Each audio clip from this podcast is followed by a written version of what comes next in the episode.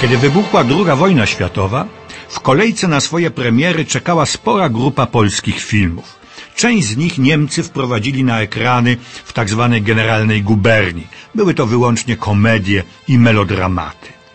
Negatyw i kopie ciekawej ekranizacji powieści Elizy Orzeszkowej nad Niemnem uległy zniszczeniu podczas hitlerowskich nalotów na Warszawę we wrześniu 1939 roku.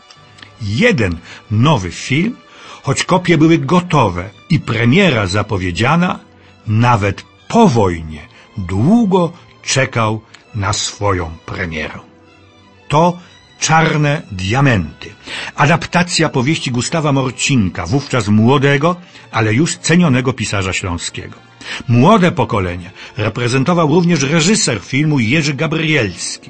Należał on do, nazwijmy ją, państwowo-narodowej grupy filmowców związanych z kręgami rządowymi i dążącymi do utworzenia czysto aryjsko-polskiej państwowej kinematografii. Jak widać, upaństwowienie kinematografii po wojnie miało swych prekursorów. Oczywiście, oczywiście z odmiennych pozycji ideowo-politycznych. Oto pokrótce treść filmu, którego akcja toczy się w latach 30. na Górnym Śląsku.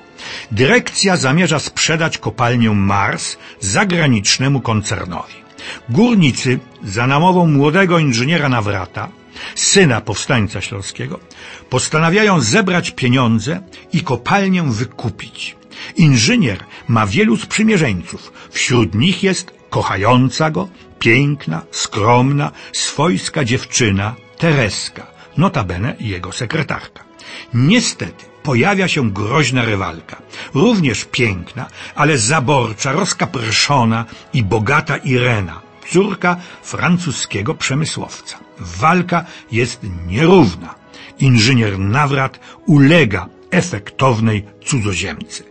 I gdyby sprawy nadal toczyły się tym tokiem, inżynier zapomniałby nie tylko o Teresce, ale o sprawie wykupu kopalni. Lecz w odpowiednim momencie następuje dramatyczny zwrot akcji. W kopalni wybucha pożar. Wiadomość o nim nie dociera jednak do inżyniera, bo baluje on na dancingu, a Irena nie dopuszcza nikogo do ukochanego. Dopiero Teresce udaje się przedrzeć przez utworzone przez rywalkę kordony. Pożar może ugasić tylko wysadzenie jednego z szybów. Inżynier Nawrat wraz z czterema górnikami podejmuje się tego arcy niebezpiecznego zadania. Wykonują je, ale zostają zasypani. I teraz następuje najdramatyczniejszy fragment filmu. Akcja ratunkowa wydaje się beznadziejna. Jeden z zasypanych górników umiera, ale film kończy się pełnym happy endem, a przytuleni Nawrat i Tereska wieńczą dzieło. Powiem krótko. To, co damsko-męskie, jest w czarnych diamentach banalne, prostackie, naiwne, choć główny bohater jest przystojnym, grzechu wartym mężczyzną. Zbigniew Sawan. A panie reprezentują wzorcowo dwa skrajne typy, które połączone dałyby kobietę męskich marzeń. W tych rolach wschodząca wówczas gwiazda, Zofia Kajzerówna i gwiazda wspaniale i seksownie błyszcząca Ina Benita. Wątpliwej jakości są też wszelkie akcenty państwowo-twórcze. Nie żeby nie były słuszne, ale podane zostały w kształcie nad wyraz uproszczonym oraz w tonie nieznośnym i pompatycznym. Prasa przedwojenna na długo przed premierą, która się nie odbyła, nazywała temat filmu po imieniu. Obcy kapitał usiłuje wyprzeć robotników z kopalni. Konflikt polskiego górnika i obcego eksploratora występuje w całej ostrości i gwałtowności.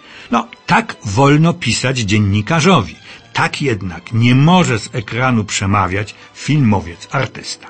Na szczęście jest jeszcze trzeci istotny element Czarnych Diamentów, mianowicie jego strona artystyczno-filmowo-warsztatowa. Przede wszystkim sceny rozgrywające się pod ziemią, szczególnie pożar kopalni i akcja ratunkowa, zrealizowane są wzorcowo.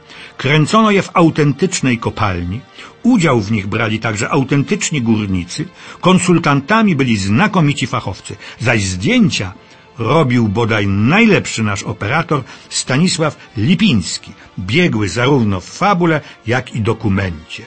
Znakomicie też przeplatają się epizody dramatyczne, nawet tragiczne, z pogodnymi, wręcz zabawnymi, wesołymi.